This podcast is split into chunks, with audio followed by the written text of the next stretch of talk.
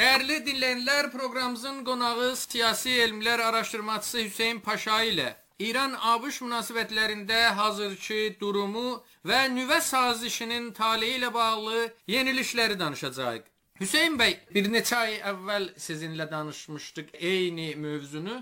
Siz o zaman demiştiniz ki, İran İslam Respublikası belə düşünürdü ki, əslində demokrat bir prezidentlə daha yaxşı anlaşma əldə edə bilər, amma siz İranın o mövzuda səhv düşündüyünü deyirdiniz. Deyirdiniz Trumpla daha yaxşı ola bilərdi. O zamanki sözləriniz indi də deyirsinizmi? Bu bir neçə ayda baş verənlərə baxaraq. İlk öncə salam deyirəm Ərzə bəy sizə və sayın eşidənlərin. Nə qədər bu intihabat fəzasından Amerikada uzaqlaşdıqca, yəni bu yeni administrationın, Amerikanın yeni idarəsinin işə ələ aldıqdan sonra siyasətin vaqiətləri özün təhmil elədi burdakı administrationa da və o intihabatın artıq o mültəhib bir fəzasından uzaqlaşdılar və vaqiətlərlə üzbəyiz oldular. Biz görürük ki, bəli, günümüzə gəldikcə, intihabatdan uzaqlaşdıqca, mən o zaman da demişdim siz dediyiniz kimi, Biden administrationu görəcək ki, əvvələn o intihabat zamanı kimin deyir və İranla bir neçə amillərə görə üzləşmələri gərəkəcəkdir. Bu neçə amillərdən ən mühüm məsələsi xop Amerikanın iç siyasətidir. Burada bildiyiniz kimi Obama zamanı vaxtı bu anlaşmanı İranla imzaladılar. Bir növ burada içəridəki müxalifləri və konqrəni və cümhuriyxahları Obama administrationu döyür vurdu. Ondan sonra Amerikanın məntəqədə olan müttəhidləri idi. İsrail və ərəb ölkələri və onların başında ərəb ölkələrin başında Ərəbistan məsələsi var idi. Və hüquq bəşər məsələsi də ki, bunların içində bəzən gəlirdi. İndi bu təzə administrationın İranın dediyim kimi o intihabatdan, intihabat vədələri ilə bu iç siyasətdə olan Trampla gedişmələrindən sonra vaqiətlər bəli özlərini göstərir və anlaşmaya getmək, indi ya təzə bir anlaşma imzalamaq, ya necə özünün çətinlikləri nişan verir getbəcət. Yəni bunu bir də keçən aylarda baş verən olaylar üzərindən dəyərləndirmək istəsək Prezident Biden dövründə biraz İranla bəzi yerlərdə toqquşmalar da, təhdidlər də oldu İraqda. Nə deyirsiniz o olaylarla bağlı? Vaqiətdə bir bir, bir nevi bir açmaza rast gəlmişik burada. İran bir tərəfdən deyir ki, tüm Amerika bu anlaşmadan tək tərəfi olaraq çıxıbdı. İlk öncə Amerika gərək massaya qeydə, sonra biz o təəhhüdat ki, onlardan əl çəkmişik Amerika çıxdıqdan sonra onlara biz qeydək. Amerika tərəfi deyir ki, xeyr, biz siz gərək qeydəsiz o təəhhüdatınıza qeydəsiz. O təəhhüdatınıza qeydlikdən sonra biz gələk masanın üstünə biz dızışdan qatılaq. Yəni e, istilahan ruhani kol kol cüz cüz bəhsi vardı. İran əvvəldə əslən dalıya oturmurdu və deyirdi ki, biz e, dediyim kimi Amerika gərək bütün sanksiyaları, bütün təhrimdən e, Tramp bərcəmdən çıxdıqdan sonra onları emal eləyibdi. Onları qaldıra, onlardan əl çəkə və ondan sonra biz qeydək o təəhhüdatımızı ələ alaq və Amerika tərəfi də dediyim kimi deyir ki, yox, e, seçənbə ya çarşənbə günü aslında ruhani heyət dövlət cəlsəsində dedi ki, biz hazırıq ki o ə, yəni qərardır bu iş əncam tapa. İndi ya kull kull ya onlar cüz cüz ki deyirlər, yəni məsələn bir təhrimi götürsünlər, biz bir təahhüdümüzə qeydək ki bu şədidən sipaha yaxın ə, nəşriyyatın tərəfindən bu nəqd olundu və Ruhaninin bu sözünü şədid həmlələr elədilər. Bu bu tərəfdə, yəni e, Amerika tərəfində bir növ İranın əqəb nişinisinə dalıya çəkilməsinə təbir olundu. Amma İranda üçün seçimlər var bildiyiniz kimi, may ayında seçimlər olacaqdı. Ondan dolayı, yəni İranda bu e, Sipaha yaxın ya Xameneyə daha yaxın çevrələr ki, həds vurulur. Yəni belə görünür bu səhnəyə baxdığımızda, intihabat səhnəsinə baxdığımızda belə görürük ki, ehtimalı var çoxdur ki, gələcək prezidenti İranda, gələcək cümhurbaşqanı mühafizəkarlara daha yaxın, ondan daha ziyadə Sipahın içindən ə, e, olduğu kadrlarından biri rəis cümhur olacaq. Yadınızda olsa mən bir dəfə də demişdim ki, İran tərəfi, yəni Xameneyə yaxın ə, e, bir daha istəmirlər ki, Zərif və Ruhaninin dövlətini Amerikalıların Amerikalıların qabağında oturdular bir masada ki bu getdikcə bu netləşir. Bildiyiniz üzrə keçənlərdə e, Möhsin Nizai dedi ki, Amerikalılar gərək İranın taza dövlətinə qədər səbr eləyələr və taza prezidentinə və taza e, ekibinə, taza qruhla oturalar, müzakirə eləyələr. Bu İran tərəfi təqribən bu halətdədir. Yəni siz bu sanksiyalara işarə elədiniz, amma baxanda bu yaxınlarda sanksiyaların qalxmasına dair hər hansı bir siqnal verilmədi Amerika tərəfindən. Bəli, dediyim kimi İranlılar çox ə, e, xoşbin idilər bu qəziyyəyə. Fikir edirlər ki, elə Biden gəldi, demokrat bir rəis umurdu, ya Trump o qədər bunları çırıxdırmışdı bu fişarə hətta əksəri ilə ki, ehsas edirdilər ki, bəli, çünki bunlar ə, e, intihabatda da söz veriblər, bəlkə gizlincə bir görüşmələr zət da olmuşdu İranlılar tərəfindən. Fikir edirlər ki, Biden gəldikdən sonra elə həmən e, hətta əqəl bir qismi az o buluça olan pullardan ya sanksiyalardan götürüləcəkdir. Hətta bu Koredə İranın bilirsiniz 809 milyard dollar zat e, pulu vardı, bloke olunubdu. Onun qarşısında İran Koreyə, e, yəni Cənubi Korenin bir e, neft keşişini tutmuşdu. Onu deyirlər, bəlkə onu tutublar ki, o tərəfdən parala İranın pulları azad olunsun. Bu son zamanlarda Jack Sullivan da dedi ki, əgər İranlılar müntəzirdirlər ki, bir müşəvviqə bizim tərəfimizdən ki, e, təzaşdan qeydələr masaya, təzaşdan bu təəhhüdatdan e, hesab e, ələ alalar çox şədidən iştibahdadırlar. Bir misunderstanding dedi burada vardı. Bunlar yəni İranlılar bunu gözləməsinlər. Bu tərəfdə fişardadır. Dediyim kimi İsrail məxsusən hətta e, bu gün e, gələcək Sullivan İsraildə o İsrailin dövlətinin müşavir əmniyyət millisi ilə müştərək bir video konfransında danışıblar və onlara təəhhüd veriblər Amerikalılar ki, biz ta İranlılar e, müsbət qədəmlər götürməyiblər bu zəminədə, heç bir, yəni onlara təxfifi verilməyəcəkdir. Bir də Hüseyn bəy, biz olayları danışdıq biraz. Bu olaylara baxanda və iki tərəfin təpkilərinə baxanda, o təpkilərdə Misal İraqda İrana yaxın qüvvələrin Amerika orada maraqlarına hücumundan sonra prezident Biden İrana sərt dillə İrana bir mesaj verdi.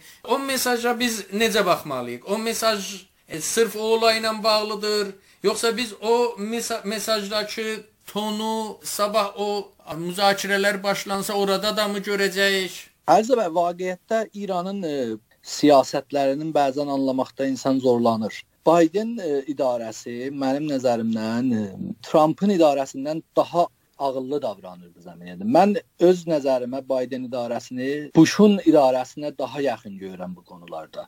Yəni çox həssas, çox qarşınas insanlardılar bunlar. Baxsaz görsəz e, İran fikir edirəm ki, bu Əraqda zətdə İrana yaxın qüvvələr zətdar bir neçə seri bunların səbrlərini dənəməyə çalışdılar bir Amerikanın üstlərinə orada bir saldırılar oldu. Hətta bir sivil Amerikalı bir kontraktör deyək, bir peymankar orada həyatını əldən verdi. Onun ə, çox sərt bir qarşısı oldu, qarşılaması oldu Biden administrationun tərəfindən bildiyiniz kimi İrana yaxın qüvvələrə Suriyədə bir saldırı oldu və 25 ilə 30 nəfərə amarlarda var idi ki, öldürdülər onlardan bu son Amerikada Eynül Əsədin üstünə də yenə bir Əraqda saldırı olub İran qüvvələrinə. Tərcəsi İran təsvib elədi və onu məhkum elədi, amma bəllidir. Yəni burada da dedilər o füzələr ki, atılıb ora İran İrana aiddir. Burada yenə təhdid edirlər ki, çox belə müşəxəs bir zamanda bu həmlərin də cavabını verəcək. Ya məsələn Ərəbistana Husilərin tərəfindən bu son günlərdə bir atışlar atışlar olubdu.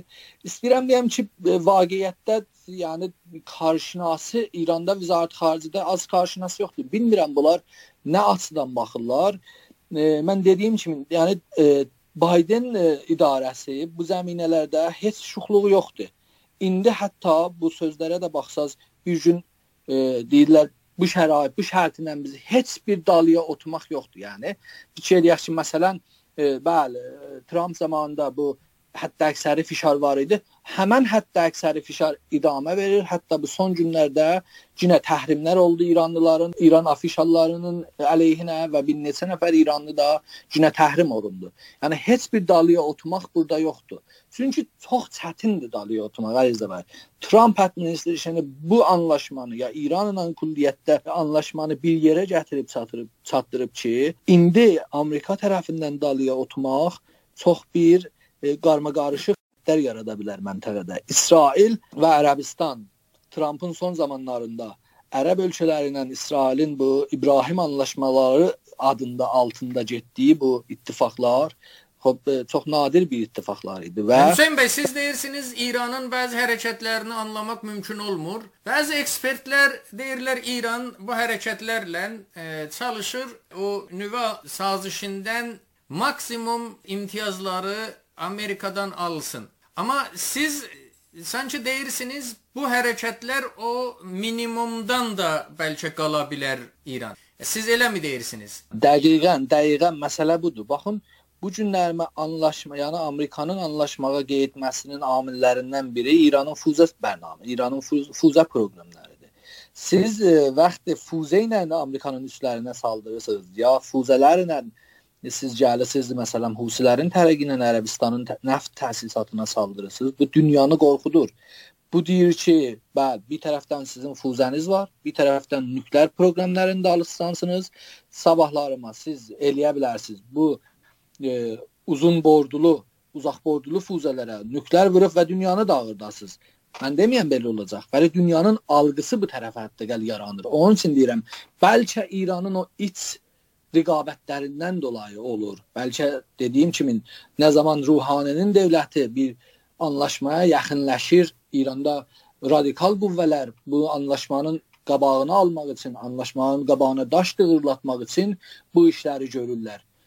Bu təhlili də vermək olar. Onun üçün deyildim ki, artıq ruhani dövləti ilə bu anlaşma e, mümkünsüz görünür. Onun üçün gələn intixabatda nə qədər Xamneyə yaxın bir çehrə dövləti təşkil verə bilsə, əgər qərar olsa ki, İranlılar tekrardan bir anlaşmaya gələrlər, tekrardan bir batı bir uzlaşmaya gələrlər, onlar daha gerçəkən mən çox buna xoşbin deyiləm bu qəziyyə.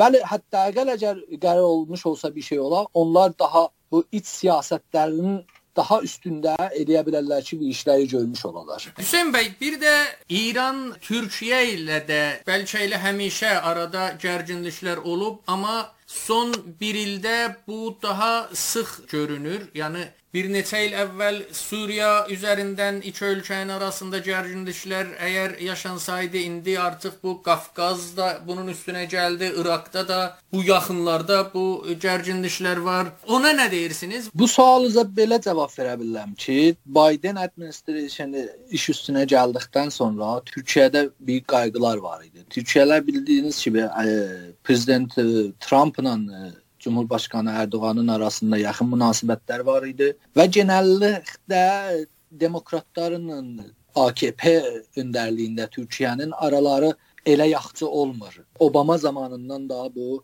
orada məntəqədə olan təvazunla müvazinədən bunu görə bilərdik. Mən fikir edirəm ki, Biden administrasiyonu işə üstə gəldikdən sonra Türkiyə irtibatlarını, münasibətlərini Ərəb ölkələrindən, özəlliklə Ərəbistanla və İmaratla ki, bu qaşıqçı məsələsindən sonra çox gərgin bir duruma gəlmişdi və əlbəttə Qətər məsələsindən. Vaxtı bilirsiniz, vaxtı Qətər rabitələrin Ərəbistanla və İmaratla tərmim edir. Bu özlüyündə Türkiyəni də bunlara tərəf çəkir. Son zamanlarda baxsaq e, Türkiyənin rəftarlarına Ərəb e, hətta Misrlə, Ərəbistanla, İmaratla və İsraillə onlara nə qədər yaxınlaşdıqca İrandan o qədər uzaqlaşır. Xoş bu Ərdoğanın o şəxsi praqmatistliyinə qeydir, məntəqənin siyasətini yaxşı oxumağına qeydir. Hətta baxsaz görsəz bu son e, bir gün bir gün düşüründə də Suriyə məsələsinə görə Qətərdə, Qətər, Suriyə və Rusiya İranı devrə dışı buraxaraq və Suriyənin e, məsələlərinə görə otururlar, danışırlar. Yəni getdikcə İran məntəqədə təhləşdiyini görürük. İranın faslar demişkən o rinçin quşəsinə itildiyini görürük ki, indi zaman göstərəcək, e, gələcəkdə əgər eləyə bilsələr bunlar Amerika ilə Hətta bir nəmə şeydə demişdi o e, Sazman Enerji Atominin rəisi də, Gərusi də demişdi ki, artıq İranlılarla Amerikalılar gərək üzbəyiz oturub danışarlar bu zəminiyə görə və vasitəsiz danışarlar. Bildiyiniz üzrə Amerikadan da e, istək getdi İrana tərəf ki, biz ə, vasitəsiz oturaq bu qonuda danışaq və yenə o amilə üçün ki, mən ə, dedim İran tərəfi istəmir zərfin vizarətində bu görüşmələr əncam tapsın. İranlılar bunu rədd elədilər.